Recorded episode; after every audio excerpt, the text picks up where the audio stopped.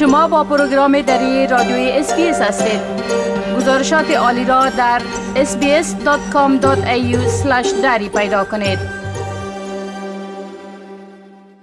انواع جدید کووید 19 همراه با میزان پایین وقایه در برابر انفلوئنزا یا زکام پس از قرنطین های همه گیری ویروس کرونا کارکنان صحت را واداشته است تا برای یک زمستان سخت خود را آماده بسازند. بیش از 9 میلیون استرالیایی به درخواست ها برای واکسین شدن در برابر انفلوئنزا توجه کردند.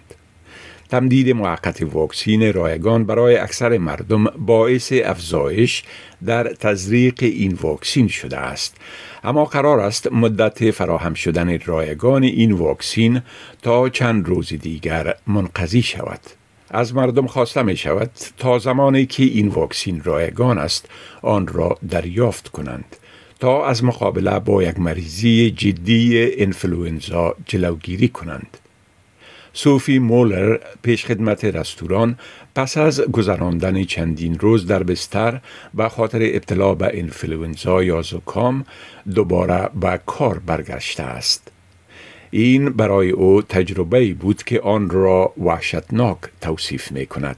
I felt like my head was going to explode. It was really serious and I thought at one point I had to go to the hospital to be honest. So I was just like I felt like I was never going to recover. Yeah, it was very intense.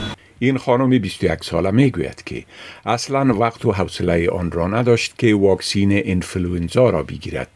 خسته شدن مردم از واکسین کردن های کووید 19 در یک سال گذشته یا بیشتر از آن ممکن در این عدم علاقمندی برای گرفتن واکسین انفلوئنزا نقش داشته باشد.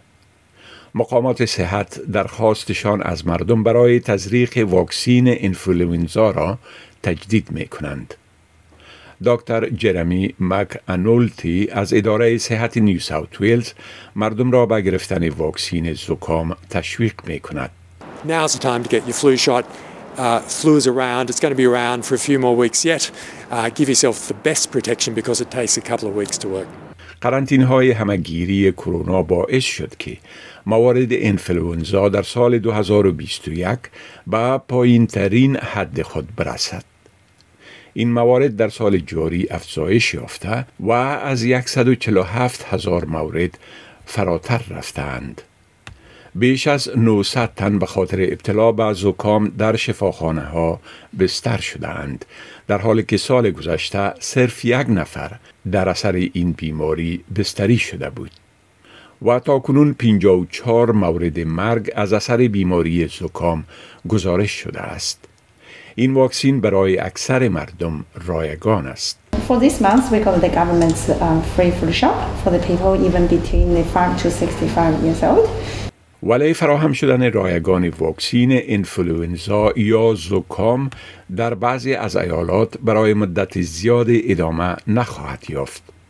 یک مرد 75 ساله اخیرا به خاطر ابتلا به انفلوئنزا در شفاخانه در ملبورن بستری شد. یا دکتر عمومی در مورد بستری شدنها در اثر انفلوئنزا در سال جاری این گونه توضیحات می دهد. Even during the COVID pandemic, I did not have uh, old patients to go be, to admitted in the hospital. So this is how bad it is. Yeah, and lots of my patients complains actually the flu symptoms is much worse than COVID. فیل دسوزا که از خانه کار می کند می گوید فکر نمی کرد که به تزریق انفلوئنزا نیازی داشته باشد. اما او به SBS News گفت وقتی دید که بسیاری از مردم بیمار می شوند خودش را متقاعد کرد که در آخر هفته این کار را بکند و واکسین زکام را بگیرد. یک نوع فرعی اومیکران کووید 19 که می تواند از مسئولیت واکسین فرار کند در حال افزایش است و انتظار می رود که فشار بیشتری را بر شفاخانه ها وارد کند. پیش بینی می شود که این نوع اومیکران همانند نیو ساوت ویلز و کوینزلند در ویکتوریا هم گسترش بیابد. دکتر یاو می‌گوید انفلوئنزا همراه با کووید 19 در گردش است و این گردش می تواند بسیاری از مردم به خصوص اعضای آسیب پذیر جامعه را بیمار کند. علاوه بر دریافت واکسین انفلوئنزا از مردم خواسته می شود که در صورت احساس ناجوری در خانه بمانند واکسیناسیون کووید 19 خود را تجدید و تکمیل کنند در جاهای مزدحم از ماسک استفاده کنند و با مردم دیگر در جای ملاقات کنند که هوای تازه زیادی موجود باشد. Is the RNA virus and mainly affects the respiratory tract and by droplets.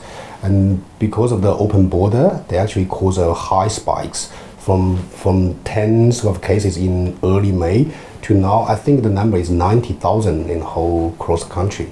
So this is very bad. It causes actually people sick and they can't uh, work, they can't study, and and they sometimes can can can cause cost our lives. Yeah, so it's very bad. So vaccine is the most effective ways to deal with it.